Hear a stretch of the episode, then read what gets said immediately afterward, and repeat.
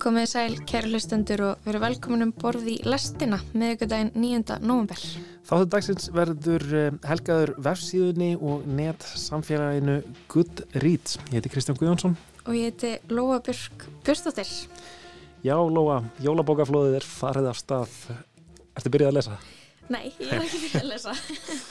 Nei, núna er einhvern veginn sko, já, það er svona loknu undan storminum, um, rittöfundar og útgefendur eru farnir að svona keppast við að sannfæra Íslandinga um að þeirra bók sé einmitt svo sem að þú þarfst að lesa, kaupa og gefa í jólagjöf og þeir eru að beita ímsum bröðum auðvita eins og, eins og alltaf um, andlit rittöfunda á, á hérna, stræðáskílum það eru auðlýsingar í blöðum það eru, já það eru allir að vona að fá, fá góðan dóm í kiljunni eitthvað svo leiðis eða hjá gaggrundu bladana eða, eða fá tilnúningar til bókmyndavelunina og að fá góða dóma á Goodreads.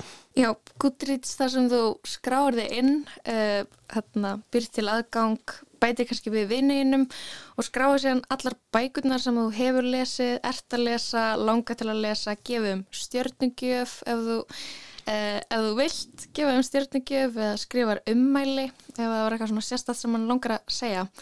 Og það er bara mjög mikið fólki sem notur þess að síðu mikið.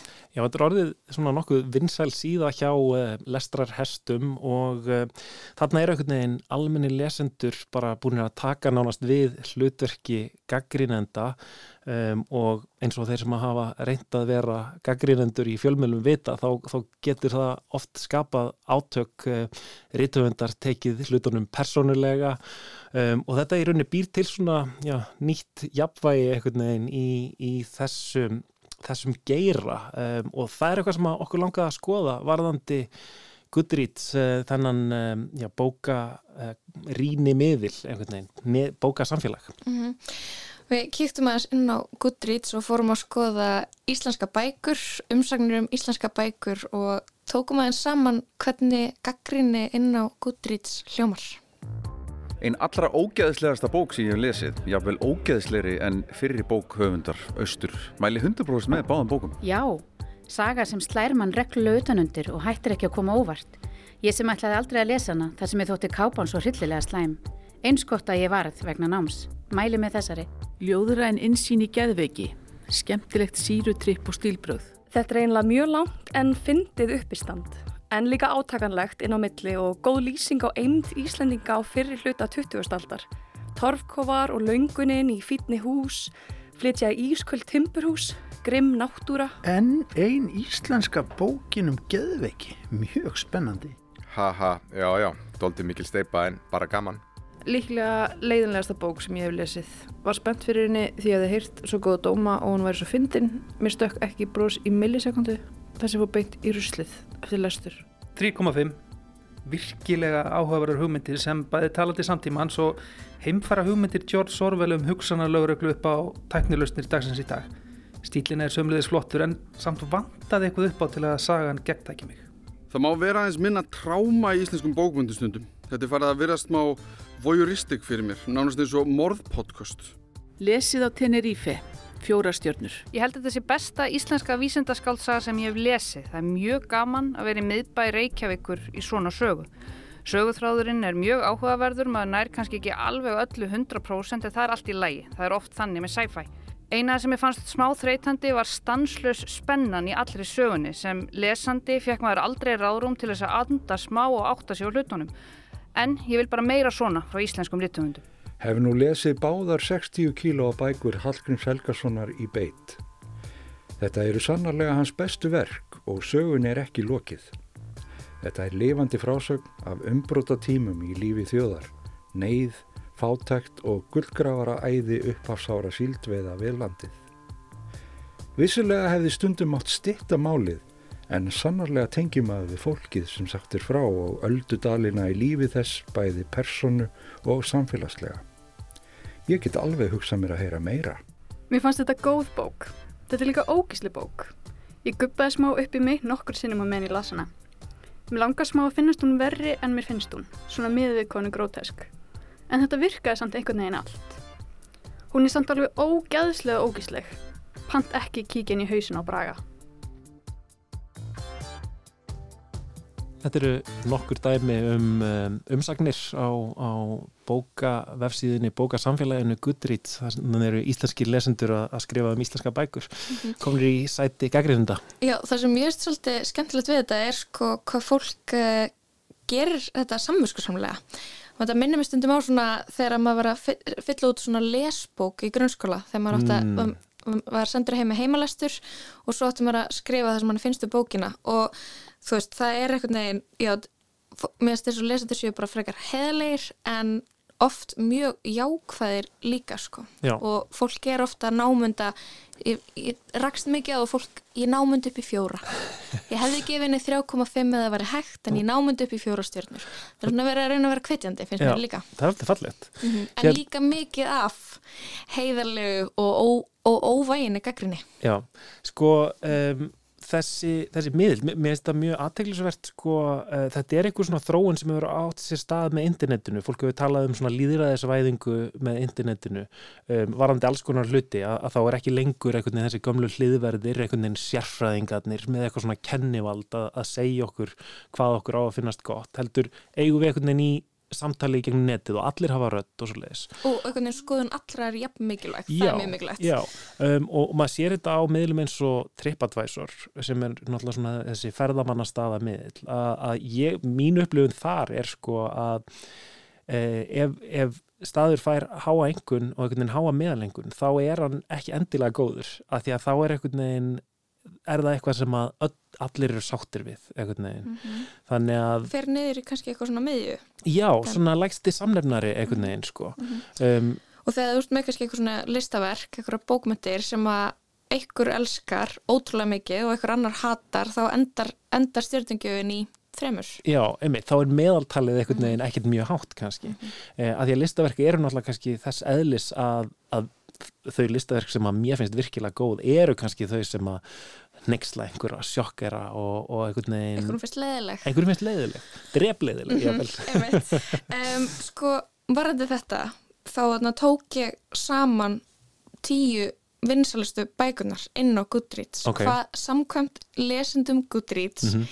eru bestu bækur allra tíma svona eins og getur fundið inn á EMTB þar Já. sem er uh, gaggrinni og stjórningjafur kvik, fyrir kvikmyndir Einmitt. og meðast þessi listi mjög áhugaverður sko útráðið svona að segja okay. um, hvað heldur að sé besta bókin samkvæmt Goodreads Þetta er semst þá með hæstu meðalengurinn Já, sko reiknað út þannig að þetta er sko bæði hversu hástjórningjafun er og líka hversu margir gefa okay. stjórnur Ok, hvaða bók er svona einhvern veginn uh, mistaraverk uh, þetta er eitthvað svona, hvað ég var að segja Folkner er hérna í estasæti Neip, gætir ekki verið lengra frá því þetta er besta bók allra tíma samkvæmt Goodreads er Hunger Games eftir Susan Collins okay, þess að fyrsta bókin í þýrilegnum mm -hmm. uh, sem gerist í dystopískri framtíð hefur giska á þetta? Nei, en þetta hérna, hljómar svona skinsanlega þegar þú mhm, segir mm -hmm. þetta. Þetta er náttúrulega gríðalega vinsalbók, en, en ótrúlegt samt einhvern veginn að hún fái svona mikið af jákvæði og lítið af neikvæði. Mm -hmm. Og svo, ön, veist, þarna næst besta bók allra tíma er Harry Potter og Fönixreglan eftir J.K. Rowling, fymta bókin í seríunum mhm. Galdrastrákin Harry Potter Þriðabókin, hún er svolítið skemmtileg, það er Róki og Hleypidómar eftir Jane Austen. Ég hugsa að það er enda líka að Jane Austen geti verið að ná að Jane Austen er á listanum sko mm -hmm. og svo kemur bara einmitt klassík sem að allir eru látnið lesa í ennsku tíma To Kill a Mockingbird Já. eftir Harper Lee. Svo kemur Bókaþjófurinn eftir Markus Súsak í fyndasæti. Okay. Þannig að þetta eru bestu bækur allra tíma sangant Goodreads mm -hmm. og ef eitthvað tímarind myndi þurfa að setja saman lista yfir tíu bestu bækur allra tíma þá held ég að það væri ekki margar sömu bækunar sem myndi enda á þeim lista Nei, nema það væri kannski svona unglinga tímarind mm -hmm, mm -hmm. Já, minnst þetta að segja okkur kannski svolítið um kynnsluna sem notur þetta og já. Og já, hverjir eru svona virkustu notendunir inn á Goodreads mm -hmm. En við ákveðum að, að fá uh, sjónarhótt nokkura notenda uh, Goodreads og heyra, heyra hvernig þeir nota þennan miðil Ég heiti Guðrún Úlfarsdóttir og ég hef skráð inn 41 lesna bók á Goodreads. Þá hef ég gefið 14 stjórnugjafir, 4,14 að meðaltali, ávalgjörn á að sjá Silvurönd hverskís. Ég heiti Þorvaldur Sigurbjörn Helgarsson og uh, starfa sem menningablaðamæður á frettablaðinu. Ég er búin að vera að nota Goodreads í rúm 12 ár síðan í mars 2010 ég er uh, sem sagt með 1010 ratings bækur sem ég hef uh, gefið engun á Goodreads. En alls er það 1114 sem ég hef lesið Ég heiti Kristín Hulda Gísladóttir ég hef lesið og skráð 238 bækur á Goodreads gefið 140 aðeim stjórnur og skrifa umsagnir um 74. Ég heiti Katla Ársælsdóttir. Ég er með 452 lesnar bækur skráðar á Goodreads hjá mér. Ég hef gefið 34 umsagnir og 408 stjórnugjafir og meðal stjórnugjöf hjá mér eru 3,49 stjórnur. Í setni tíð er ég hægt að gefa stjórnugjafir, fannst ég einum á bjart sín til að hægt vera að taka marka á því. Þá skrifa ég frekar litla umsögn sem nú eru orðnað 31. Mér finnst það mun persónulegra heldur en þessi klassiska 1-5 engun og mér finnst uh, líka miklu skemmtilegra að lesa umsögnir frá öðrum. Meðal stjórningjöfu mín er fjórar stjórnir. Goodreads er klárlega uppáld samfélagsmiðlum minn og eitt af uppáldsforrutunum mínum. Ég byrjaði á Goodreads til að halda utan um hvaða bækur ég hef lesið, sérstaklega þær sem eru óeftirminnilegar því ég hef oft lendið því að byrja á bók til þess eins að átta mig á því að ég vil lesa þennan áður. Ég er með 6 reviews og average rating á 3,95 stjórnur og reyndar uh, verði ég að segja að mér finnst þetta stjórnukerfi vera meingallað og ég ákvað að gera eins og gert var á vinnustæðinu mínum fréttablaðinu og hætta að gefa bókum stjórnur af því að ég var bara farin að taka eftir því að ég gaf allir svo alltaf sögum einhvern ég bara gaf í öllum bókum fjóra stjórnur og uh, kannski fimm ef það voru framhúsgafandi en eiginlega aldrei undir þremur. Og þetta er í rauninni bara veist, meðvirkni. Maður er náttúrulega, í, ég er höfundi sjálfur og í svona litlu samfélagi þá það sem maður þekkir flesta sem er að skrifa þá vill maður ekki vera dónalegur og svo vill maður auðvitað vera, maður vill stiðja vini sína og gefa þeim náttúrulega fimm stjórnur og þú veist þetta, það er bara ekkert marktakandi á þessu í rauninni.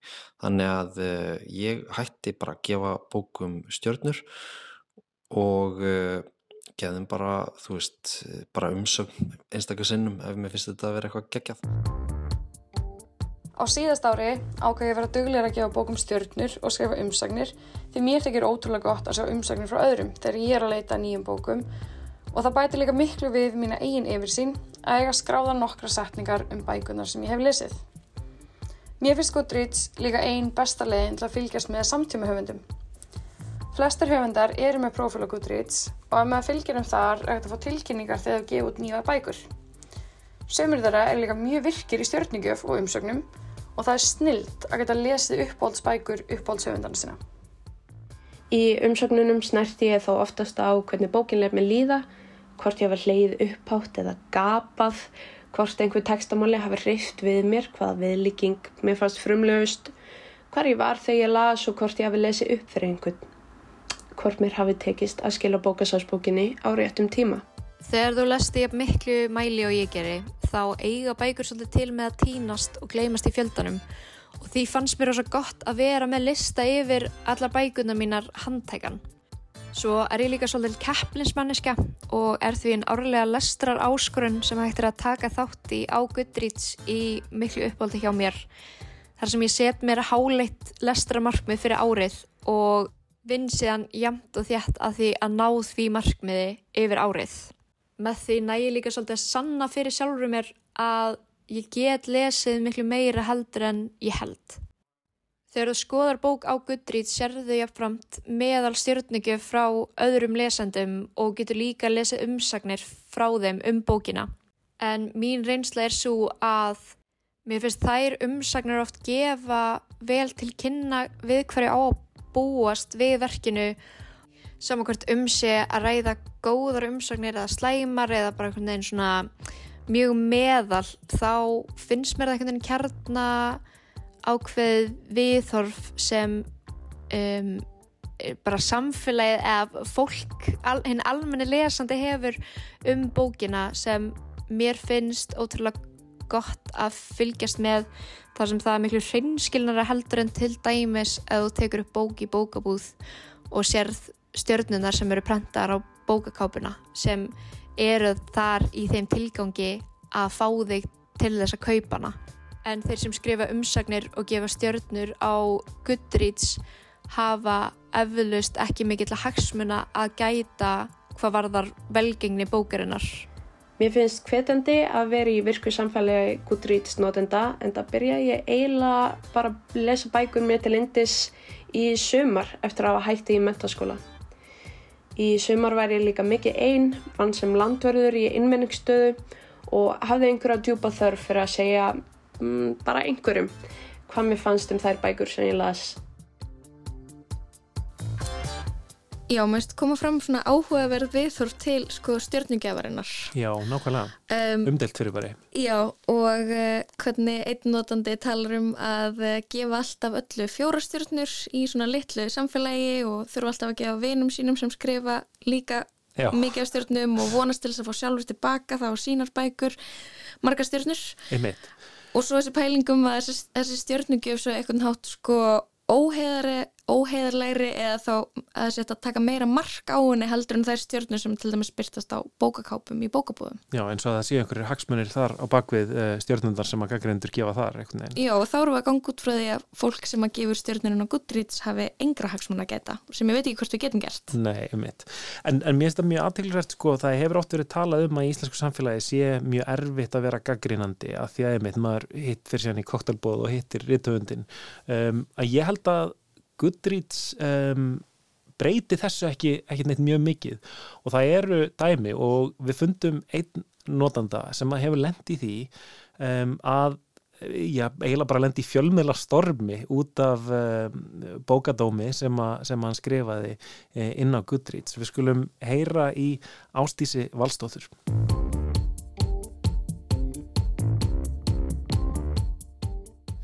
Ég heiti Ástíks Ósk Valstóttir og ég er löggilt af fastengsali og resk mín aðeins fastengsali húsaskjól og áhuga mannskja um eitt og annan. Sko, ég stopnaði það örgla í fyrra eða hitt vera, maður ekki. Svo einhvern veginn skildi ekki alveg hvernig það Goodreads virkaði og ég netti ekki að vera að halda þannig um það sem ég var að lesa, þannig ég gerði ekkert með þetta svo sett ég mig markmiða því ég er alltaf svona aðeins að reyna að íta þægindraman og ég fann að ég var svo samdun að sko ég var alltaf að gera sem hlutina og ég þegar ég var ung þá fekk ég bara bækur í jólugjöf og ég spólaði gegnum tíu bækur bara í jólafrýnu og svo fór ég bara bóksætni þannig ég sagði, mér langar þess að augra mér og lesa meira. Þannig ég fekk bókatíðindin hann í fyrra og ég fór eitthvað að skanna þetta og ég segi þekkti svo fá höfund og ég segi ég ætla bara að setja mark með að lesa allar íslenskar skáldsögur sem voru í bókatíðandum 2021 og þær eru svona 90 og ég sagði ég er á, á 60 aldur ég verði einhvern veginn að halda utanum og þá myndi ég eftir þessu Goodreads. Þannig ég sagði ok, ég er bara held hérna persón og prívat fyrir mig utanum það sem ég lesi Goodreads þannig ég muni náttúrulega hvaða bækur ég er búin að lesa. Skaði eftir Solveig Pálsóttir Fimm stjórnur, þessi var frábær, fljóðleysunum passlega laung, gott plott, mæli með hérna Arnaldur Indriða, hann hérna sigurverkið. Vá hvað þessi var góð, velskrifu og áhugaverð saga, mæli með fimm stjórnur. Launsátur eftir Jóninu Leos, hún hérna fekk fimm. Hægt og hljótt til helvitis fekk tvær stjórnur, hún var ekki alveg að henda mér. Og eðst í byrjaðinni bók. hún fekk eina stjórnu, ekki því hún var eitthvað svo leiðileg, það var bara letrið var svo lítið að ég gæti, ég bara, bara í alvörunni gæti ekki lesa. Þannig hún fekk bara einn stjórna hendar ekki með aldrei fólki.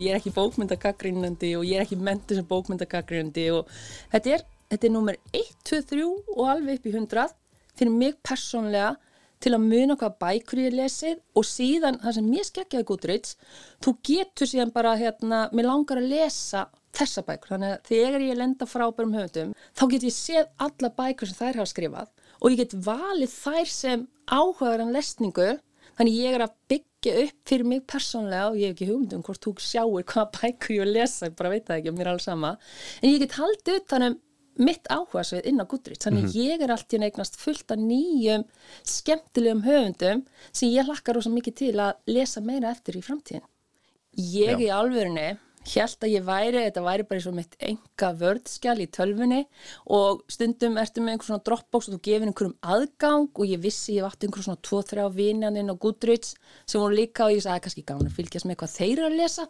Ég hjælt að þetta væri svona lokað samfélag. En nei, Goodreads er ekki lokað samfélag og að því komst ástís á svolítið dularfullan hátt. Það var þegar ég var Spáni í mars.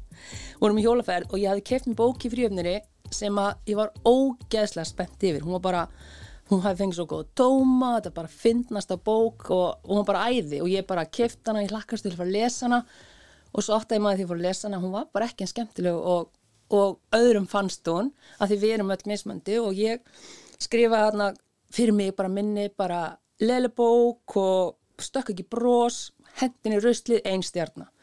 Og næsta sem gerist er að höfundar þessar bókar, hann augljóslega sér þetta og ég vissi ekki alveg akkur hann að sé þetta. Ástæðan fyrir ég veit hann hafið séð þetta af því að næsta sem gerist ég fæði tilkynna okkur Facebook að þessi réttöfundar hafið læka vídeo. Ekki vídeo sem ég sett inn í gær, heldur bara vídeo fyrir einhver síðan. Og ég viðkenna sko af því þetta var svona pínu splattir thriller sem ég var að lesa og, og aðal persónan var svona pínu geðuku fjöldamanningi. Mér fannst þetta ekki droslega þægilegt að fá réttöfundin inn á mitt Facebook þó að sé opið. Í staðan fyrir að mynda bara ringi í mig og segja, herru, hvað er málið með þessa umfjöllin hana hjá þér?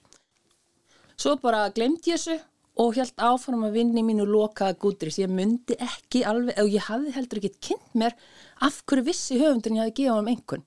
Ég var ekkert búin að lesa minn til um hvernig gúdris virka og ég sagði, kannski var þetta bara tilviljum, kannski var hann bara eitthvað að brása hennu gúdris akkurat tennan dag og sá þessu umfjöllun. Ég hef ekki hugmynd um að það væri eitthvað opið samfélag. En þetta er ekki eina skiptið sem að rittufundi hefur sárnað umsögn ástísar á Goodreads og í heitskiptið þá rataði málið allarleið í fjölmila.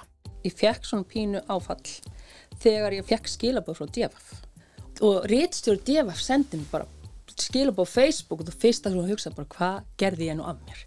Akkur er DFF að fara að skrifa um mig og það er bara stutt og laggótt ert þú þessi Ástís Valstótti, ég heitin bara Ástís Valstóttur og Goodreads sem að skrifaði dómum þessa bók Bókin var skáldsagan úti að drepa túrista og umsagnin hljómaði svona. Þessi höfðaði ekki til mín og ég gafst upp á henni. Leiðin sem ég var að lesa yfirbórskenda handbókum Ísland náði engum tengslum við personur og ákvæmst nú með næstu bók.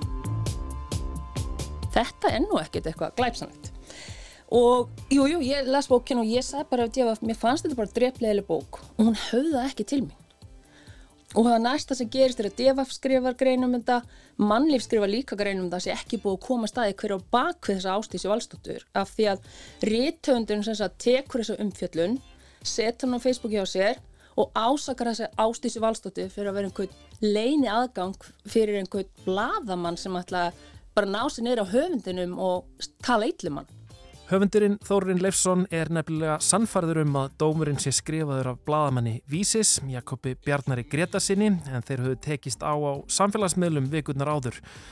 Þórin skrifaði, allar bækurnar mínar eru umdeldar, þar eiga líka að vera það, en ég er á sama tíma 100% vissum að Ástís Valstóttir er Jakob Bjarnar bladamæður að skrifa dómum bækurnar mínar inn á Goodreads, gnýstandi tönnum undir dullnefni. A cunt is a cunt is a cunt, skrifar Þórarinn mér leiðist ég hef lendið einhvern skets í bara spöggstón og þú veist og ég segi bara ef ég hef einhvern tíma séns að lendi í áramöndsköpinu þá er það út af þessu. En ég held þessi búin að taka upp og þetta hafi ekki verið nú stórt mál til að fara að inn. En ég hef nefnilega alveg heyrt sögur af fólki sem að réttöfundar auðvitað bara rosalega ósáttu við dómana. Og fólk hefur tekið út dómana sína og þú veist og þetta er bara einhvern veginn og ég segi við ætlum að ekki að vera bara hérna breytast í franko eitthvað og vera bara með bara eina upplýsta skoðun, það er bara að þú mátt bara fíla þessa bækur og svolítið að brenna allar hinnar, þá verðum við svolítið að leifa þess að þróast og leifa fólki að tjá sig á Goodreads og ég minna að þú þarfst ekki að lesa dómana mín og hugsa bara ástísir eitthvað hérna alvald og það sem hún segir er rétt. Nei, það sem ástís segir það sem ástísi finnst persónlega. Sko, ég þakkaði bara fyrir að þetta var núna en ekki fyrir fimm árum, þú veist ég er búin að fara í gegnum mikla sjálf sko en ég blogga mikið og svo mér hata bloggin mín og ég fæ alveg að heyra það sko. En ég sagði sko fyrir fimm árum hefði ég bara fengið kvíðakast. Ég hefði ekki farið út úr húsi og ég hugsaði bara hvað minn góðu hvað er ég bara búin að koma mér út ég hefði líklega ringt í reytöfundin og bara beðist innan afsökunar á þessu. Ég hefði eitt dómnum og, og ég hefði líklega loka gútrýst aðganginum minnum og valla, þú veist ég hef ekki sagt neinum frá því ég var að lesa. Af því að þetta er bara mín persóna skoðun. Og ég er búin að hugsa þetta svo mikið síðan þetta mál kom upp. Og ég hugsaði sko þú getur ekki skrifað bók eða mála málverk. Fyrir mér er list bara list. Þetta getur verið matalist, þetta getur verið þú veist alls konar menning, þú getur fyrir á leikrit og þú getur farið í hérna bíó og skrifa bækur og það, ég trúi ekki að sé einhver sem skrifi eitthvað eða gefi frá sér eitthvað sem að sé samfærður um að allir í heiminum muni elska þetta listaverk. Og ég held trænlega, af því ég er ekki hvorki rítvöndu nýja hérna nýja bókmyndagagrundi, ég held að flesti sé að skrifa þetta sem ádilu þannig að það hlýtu þá að vera hluti af planinu að einhver sé ekki ánaði með því og skrifi að mínum að til mjög svona dannaða ádilu af því að ég vandaði mig alveg þarna ég hugsaði að þetta þetta bara skrifa fallega. Og þetta var bara svona sem með leið. Og þarna hugsaði ég bara ég ætla ekki að lesa fleiri bækur eftir þennar rítumundar og því á svo rosalega marga bækur sem ég langar að lesa. Því að en svo eru aðri sem elska bækundarnas og þá maður fagna þeim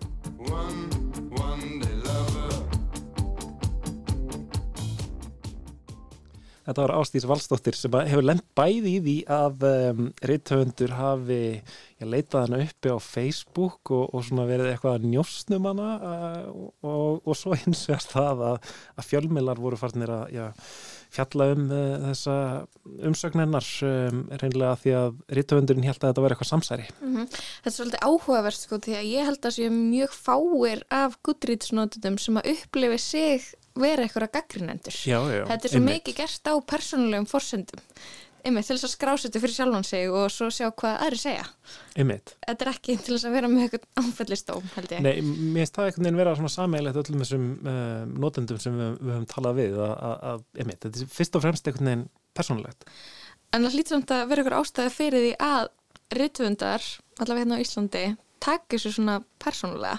Við búum þetta í litlu samfélagi og eitthvað svona um, en sko ég hef heyrt alveg frá um, fleirin einum rítöfundum að þeim finnst náttúrulega rosalega gaman þegar koma, koma slæm góði dómar segi ég á, á, á Goodreads og þetta í blöðunum eða kiljunum líka. Um, en það fari alveg rosalega þeir takja rosalega mikið inn á sig þegar þeir eru slæmindómar og ekkit endilega síður á Goodreads heldur en í svona hefbundnum fjölmiðlum hefðbundinni bóka gaggrinni.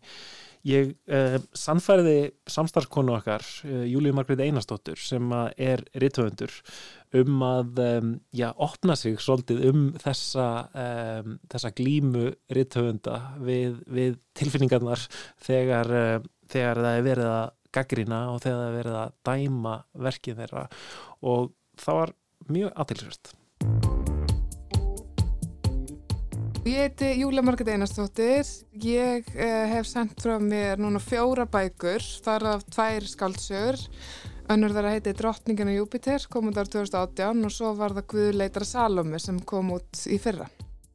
Þú veist, það er í fyrsta sinn sem ég fer að fá okkur svona almennilega viðbæri var þegar Drottningin á Júpiter kom út. Um, en hún var einhvern veginn ekki eins svona stór hlut einhvern veginn af þessu jólabókaflóðu sem var. Svona einhvern veginn svona var aðeins, hún var meira svona fallin svona fyrsta bók og okkur svona. En þá byrjaði ég að fá dómar og svo mikið bara frá líka vinum mínum og okkur svona. Og ég fekk engan harðan skell. Ég var bara ótrúlega heppin. Það var enginn sem að gaf henni held í minn en þrjá stjórnur en á Goodreads og allir dómar sem ég fekk voru bara freka góðir og svona. Það var allir voru góðir við mig. Mér fannst það líka svolítið að því að ég var að byrja einhvern veginn svona. En svo sérst kemur Guðleitra Salamót og hérna og bara svo því sem haldið til að haga þá voru viðtökunar mjög góðar og ég þarf að minna mig stundum á það. Og þú veist, flestir sem hafa gefið mér stjórnur á gútrið það hafa bara gefið mér frekar fínt og, og heitna og bara allt flott í það. En hérna var til dæmis, ég var að leiðin í viðtal við Kiljuna. Gótt kvöld og velkomin í Kiljuna. Hérna. Ég var bara að hitta hérna Egil Helga og teimi hans á kringlukráni og ég var komin og svo snemma, það var ekki búið að opna við vorum að hittast klokkan tíu eða eitthvað sem er mjög skriðin tími til að vera kringleikur honni en þá var hann svona opni bara fyrir okkur. En ég var mætt á undan þannig ég satt svona fyrir utan á leiðinni sjómasviðtal alveg svona frekar stressu og svona með alveg svona adrenalín. Og ég var mjög staður að nýja standa mig vel og ég vildi líka standa mig vel bara fyrir útgefanda minn og eitthvað svona. Segja ekki bara einhverja vittlis, heldur líka svolítið svona kjarnasöguna og fá fólk til að kaupa bókina. Nema ég ákveð svona að opna síman og svona fyrir aðeins að brása Facebook og eitthvað því að þau, þau, eru ekki ennþá komin og ég sita hann einn ákveði að opna Goodreads. Og það heldist yfir mig, fannst mér svo kringlan sko bara hrindi og ofan á mig að því að það var bara einhver maður og ég ætla ekki að, þú veist, það er bara, já, kalla sig Matti sem bara gaf mér eina stjörnu, engar útskynningar og ég bara af hverju, þú veist og ég lappaði sko skjálfanda beinu minn með sko bara kökk í hálsunum, mér langaði bara að hætta þessu öllu og að mitt aldrei gefa aftur út bók og kveiki henni og þú veist og þetta bara, þetta var ógeðslega tilfinning og mjög erfitt að gýra þessu upp í eitthvað, já, já, Júlia, þá setjum við hérna á kringlukrann og ég bara afhverst að tala um mig, ég er einskisvirði, þú veist, að þessi eina stjarnar var bara einhvern veginn allt og fersk þegar engan inn. Sæl Júlia, við erum hérna á kringlukráni núna Mm -hmm. og já, bókið inn, Guðleitar að Sálómi, hún, já, gerist í kringlunni að það svo leiti. Já, þetta er er nefnilega Ég hef tvísarsennu fengið eina stjörnu og það var, gerist aftur svona, þú veist, viku síðar eitthvað. Þá var ég hérna í vinnunni og satt bara og ég með svona, svona temmilega mikið jafnæki og það þarf alveg svona, það þarf alveg svolítið til að ég sé verulega slegin þetta læginu. En þetta var sérst í fyrsta og eina skipti sem ég er fyrir að gráta í vinnunni. Ég bara sati skrif bara mitt, opnaði Goodreads og þá var sko ein stjarnar frá einhverju konu og líka sérst og dómur sem var bara sko freka mikið niðurif bara það var bara þú veist já og þú veist mér sem ég, mér fannst bara standa þú veist ég tólka hann sem bara þessi manneska er hálfviti þú veist og þetta er bara ógeðslega drasl sem ég er nokkuð til að lesi sem var ekki alveg beint það sem var sagt. En já ég tók það alveg gífilega nærið mér og þú veist ég veit alveg ímislegt um þessa konu skiluru og hérna og ég vil líka tekið eftir ég mitt að það var að mitt stundum, þú veist, ég satt um daginn með kærastar mínum á kaffihús og það lappaði inn einhver stúlka. Og ég líti á hann og ég alveg bara, djöð, mér skal kannastu við hann og svo alveg, já, hún gaf mér einn svona þrjárstjörnur á Goodreads. Og ég myndi það bara því ég, þú veist, þá vissi ég hver var að baka það. Og maður áða einhvern veginn svolítið til að hengja sig meira í þá sem að gaggrina mann. Og hérna, og mér svo fynda því ég fekk skilabóðum frá þér hérna í, þar sem að þú varst eitthvað svona velta fyrir þér þessu máli. Og þá sati ég mitt með vinkonu minni sem er líka hérna skáld og var að mynda að senda frá sér hérna svona prósabók. Og við vorum, vorum akkurat að tala um Goodreads og móðir hennar er líka skáld og hún sagði að þær hefði með átt hérna samtali um þetta. Þar sem að móðir hennar sagði bara hérna bara þú veist þetta er, þetta, man, þetta er manni viðkvæmari heldur en gaggrinni á mann sjálfan. Og ég var alveg bara vá, ég er alveg samanlega því að þú veist, ef ég heyri einhver staðar að einhver hafa sagt um mig að þú veist, að ég væri svona hinsegin eða asnalega eða leðilega eða ég veit það ekki, hérna, þá er ég bara eitthvað, hm, en ótrúlega skrítið. Ég er bara að gleymi nokkuð fljótt af því þetta er bara gaggrinni frá einhverjum eitthvað um mig, hverjum er ekki sama. En þetta er eitthvað þegar bara svo ótrúlega stórt og svo ótrúlega persónlegt og maður er bara sjúklega viðkvæmur og verður bara eitthvað neginn svolítið svona klikkar í kringum þetta sko Það er alveg sama hvað þú ert búin að vera lengi í bransanum. Ég held að þú veist, enginn sem setur hjartað og allt sitt og allar þessar skelvilegu vökustundir og allar þessar góðustundir og allt þetta stress í kringum útgáfuna og bara það að vera að skrifa og skapa og finna nýjan vingil hlutina. Þetta er rosalega mikil vinna og hérna, ég held að það sé enginn sem að taki því eitthvað bara létti að sé alveg sama að fá eitthvað svona yfirdrull frá mm -hmm. gaggröndum sko. Einmitt. E, einmitt, en, en gaggrínendum en, en, en svo náttúrulega er þetta bara eitthvað, svona, eitthvað fólk út í bæ sem, a, sem er oft kannski bara að halda utanum einhvern veginn lesturinn sinn. En, en þetta einhvern veginn er farið að skipta kannski máli bara í bókmenta bransanum einhvern veginn. Sko, ég hef samt oft verið mynd á það að hérna, þegar ég ákveð að hérna, lífið mín er svo lokið út af því að einhver hafi hérna, ekki dýrkað bækuna mínar á Goodreads og þá er, er mér oft bent á það þetta er einmitt rosa mikið fólk sem notar þetta fyrir sig einmitt veist til þess að vera með einhvern vettfangar sem þau geta svona, svona haldið utanum um það sem þau er að lesa en ég held að út af við hafi þetta ég held að þetta hafi frekar lítil áhrif út af við sko mm -hmm. Ég er allan svona verð stundum að tellja mig trú um það og svona minna mig á þar. En hefur þið aldrei langað til einmitt eins og hérna um, þegar, þegar einhver uh, gefur slæman dóm og þú heldur að upplýður það bara sem eitthvað svona nánast persónlegt hefur aldrei bara dótt í huga að þú veist að hafa sambandi fólk. Og sérstaklega að því að við erum á litla Íslandi þar sem að einmitt, þú, þú þekkir manneskina sem gengur inn á kaffehúsið út af Goodreads uh, uh, umfjöllun það væri náttúrulega versta sem ég geti gert en ég hef gert það. Það var hérna sérst, eftir þennan hérna einnastjörnudóm þá vorum við sérst að leiðinni hérna, og ég var bara, ég var með minn, ég hef aldrei lendið öru eins, þetta var, var fyrsta skipti sem ég fekk svona löðrung og þá var ég búin að vera að skrifa alveg í þrjú ári eitthvað svolítið og hafði alveg verið að senda frá mér og fengi viðbröð en aldrei þessi, veist, þannig að þetta var svona einmitt, hérna, þetta var mikil, svona, mikil tímamót hjá mér og hérna við fórum sérst ykkur að vinnuferð til Akureyrar og áttum að vera ykkur svona hópefli og eitthvað. Og ég satt bara náföl bara með tárin í augunum og þá voru allir bara hvað er í gangi með júli ég held að ég hef verið að missa ástuðinu eitthvað. Og ég bara hérna svo fekk maður sér kannski drikkaði tvo og þá hérna uh, greindi ég samstarfsfólki mínu frá því sem gest hafði og þá bara, var ég bara hverju nú búin að gera þetta? Og ég sendi þessum manni skilabóð á Twitter og ég spurði bara og ég hérna lofaði hér að ég var mjög næs sko, og ég var svolítið afsakandi bara þú veist, ég var bara fyrirgeðu bara að þú þurft að ganga, þetta er 400 blaðsíður sem þú greiðlega hataðir bara, þú veist. En ég spurði bara eitthvað svona, þú veist, getur verið að þú veist, það ég hafi móðgað þig, þegar mér fannst þú veist það að gefa eina stjórn þá hlita hann hafa orðið bara svolítið bara svona fói út í mig veist. en hann útskýrði bara fyrir mér bara mjög vinalega og við endum að það senda bara hjörtu að þetta hafi bara alls ekki hafða neitt til hans þessi bók og hann, hann hún var ekki dótt í huga það var einhver kona í vinnufarð og akkur eða það geti ekki tekið þátt í hópefli út af hérna, því sem hann hafi sett hann á gútrít þannig að ég held líka að fólk áttur sig ekkert endilega á því hvað við erum klikkuð og við skulum liggja yfir þessu og, og lesa nöfnæðara okkur svona, en ég veit að ég er ekki eins sko. Já, hefur heyrt um fleiri sem að hafa, ég haf vel haft samband við, við lesendur? Ég hef aldrei, ég hef, ég hef ekki ofinberðið að þetta við marga, þetta hafi verið gert, en núna er ég búin að segja þér frá mm. öllum hlustundum á rása eitt sem er bara, ég er bara, hérna, stend alveg með, sko, en já, þú veist, ég hef alveg átt uh, samtölu um þetta og maður hefur líka tekið eftir þú veist, með svona kollega mín eins og þegar fá, þú veist, slæma gaggarinni farða að bá svona því á Facebook og eitthvað svona, en það er eitthvað sem ég lærði mjög snemma að þú veist svara ekki gaggrinni, það er að segja ekki ofinberlega, þú veist og ekki reyna að þræta fyrir eða neitt, þú veist heldur bara, maður verður náttúrulega bara að taka þessu og maður getur bölvað og hérna, og, og raunir í það og hérna, og svo verður maður bara að standa upp og jafna sig og átt að segja að maður er ekki allra mm -hmm. en já, hvud, ég menna, við veitum þannig bara bæða, það voruð alls konar senur í kringum alls konar gaggrinni sem að fólk Uh, alveg brjálast og fyrir að kalla aðra yllum nöfnum og það er samsæðiskenningar og alls konar sem er náttúrulega bara hluta af þessu og bara gaman að þegar maður fylgjast með en, en það er ekki eitthvað sem ég held ég muni nokkur til að gera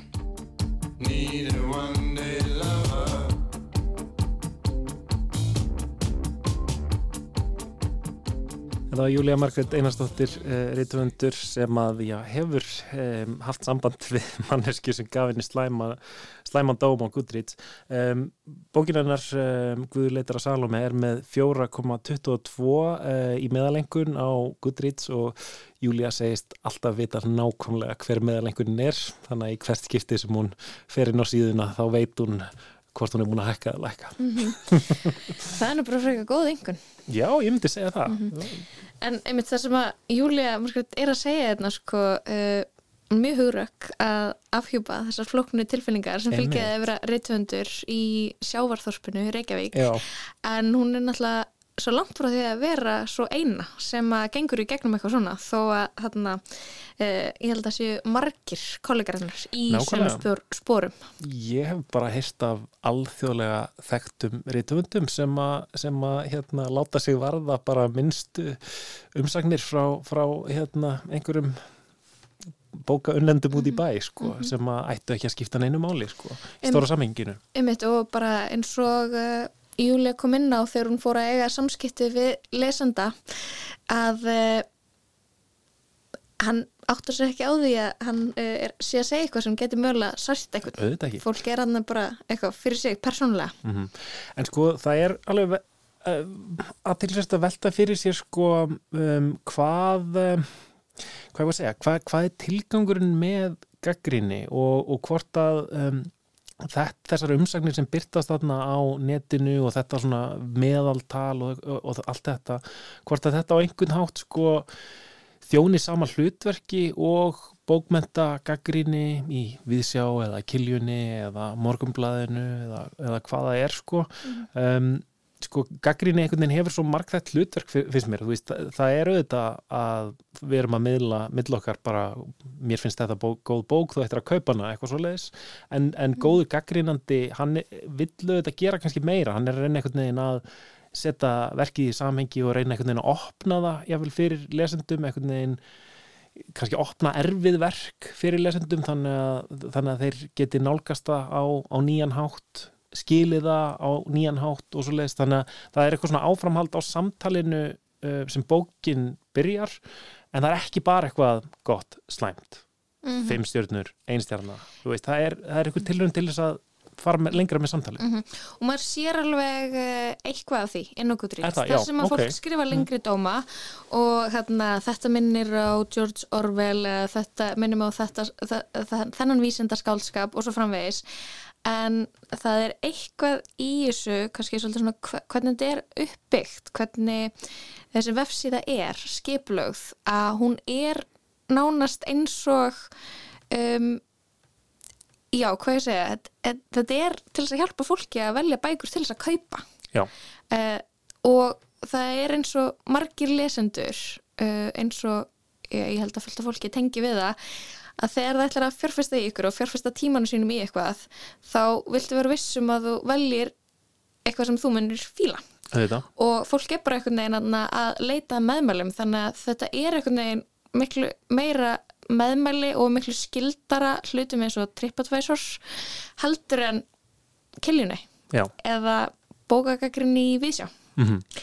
en það er meitt mjög áhugast að veltaði fyrir sér hvort að e, staða bókarinnar inn á Goodreads e, hveti fólk til þess að kaupa hana hvort að e, sko bækur, íslenska bækur með háa stjórnugefur sel, seljist betur mm -hmm. út af því að bara eins og við tölum um byrjun, jólabókaflóðið, e, það er verið að koma bókum að í þáttum og verið að senda skáldin í viðtöl, í sjónvarpi og útvarpi og í, í hérna blöðunum, skiluru þannig að ég veldi fyrir mig sko hversu mikið fólk þarf að hugsa út í viðtökunar en á Goodreads. Ég ákvaða að ringja í Pál Valsson sem er útgáðustjóri hjá Bjarti og spurja hann um einmitt þetta. Ég heiti Pál Valsson og er útgáfustjóri Bjarts. Ég er skráður notandi á Goodreads og, og uh, fylgist vel með þeirri síðu vegna þess að þar er fólk að tjá sig um bækur og fyrir okkur útgefundur þá er náttúrulega frábært að hafa síðu þar sem fólk tjáir sig um bækur. Og mér hefur uh, sínst þessi síða góð meðal annars af því að fólk virðist einlægt þarna, er að, þetta er áhuga fólkum bókmentir sem að er að miðla eh, sinni upplifun á lestri tiltekina bóka og það er nú einhvern veginn svo hefur mig virst að fólk er frekar að tjá sig ef það er hrifið og það er alltaf gaman að lesa uh, dóma um bækur sem eru innblásnir af áhuga og, og, og, og hrifningu. Ég mitt.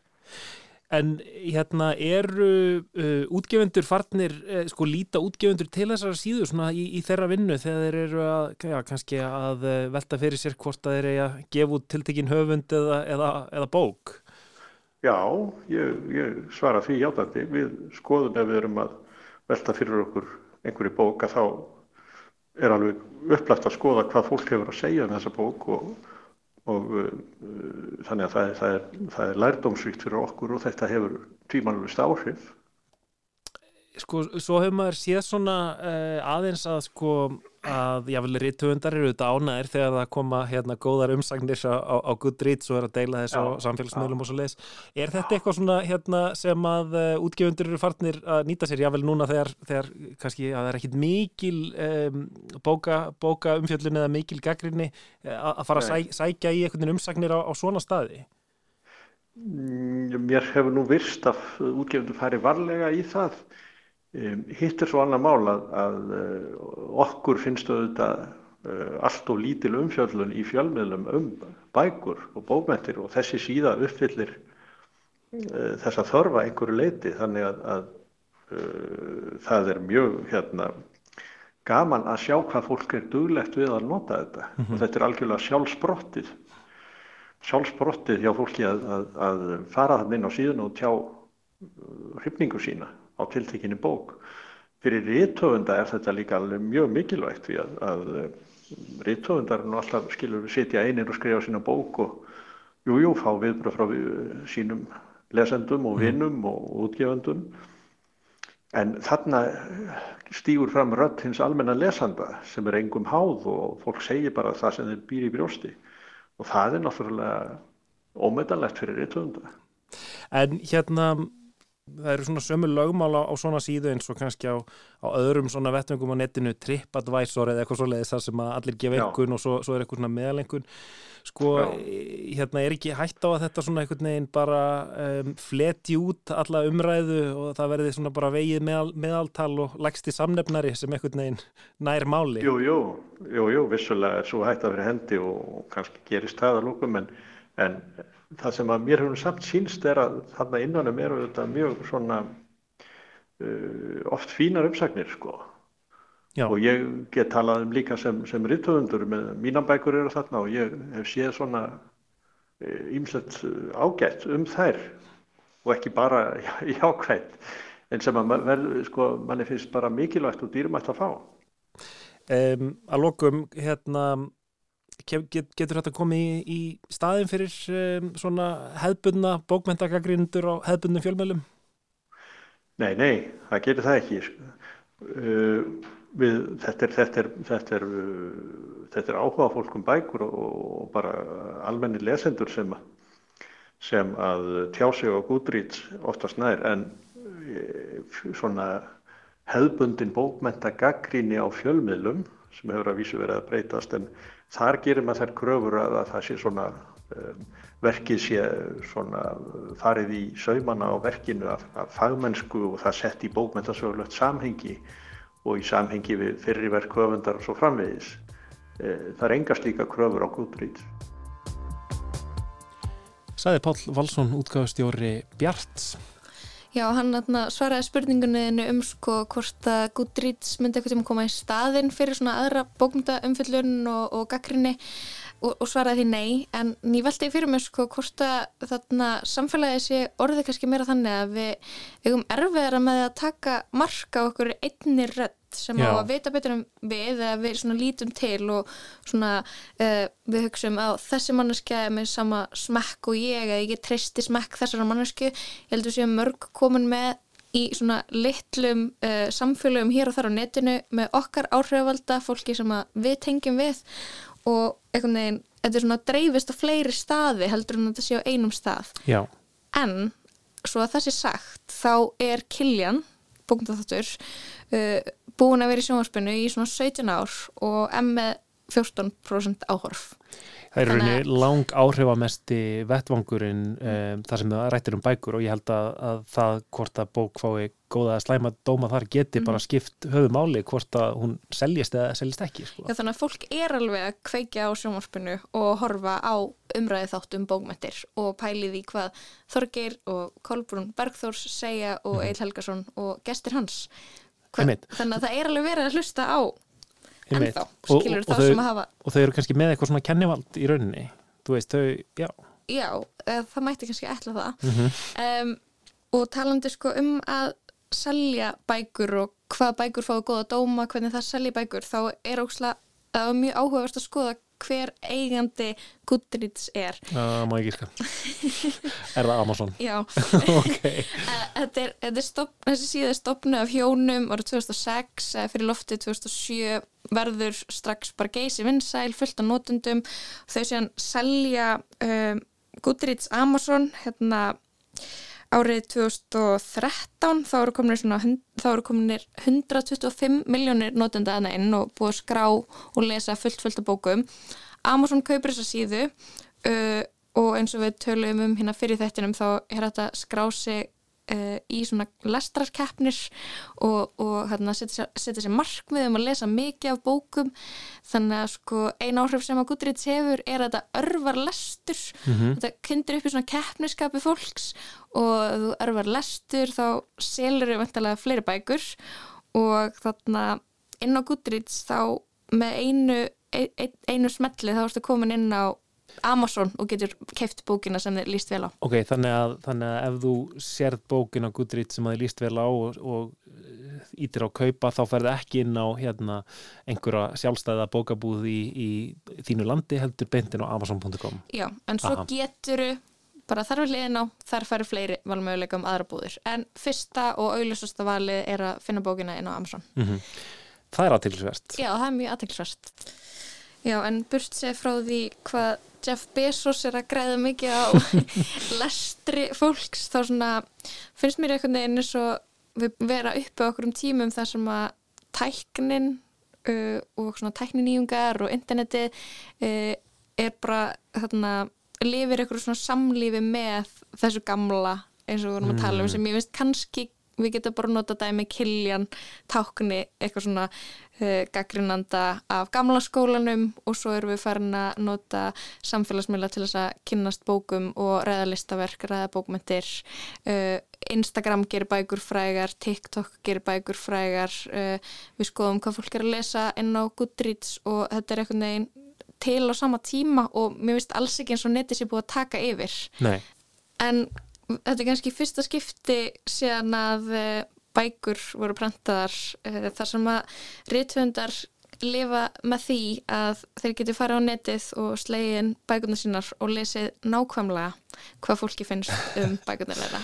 Sem að er eins og við höfum heyrt um, kannski skemmtilegt en, en líka kvöl og, og býður upp á Mhm. alls konar uh, óþægilegum aðstæðum í rauninni heim, Mhm. eins og við heyrðum fyrir þettinum. Um, en já, þessi þáttur hefur verið til, tilengaður um, Goodreads og, og umræðu um bækur á, á tímum internetsins.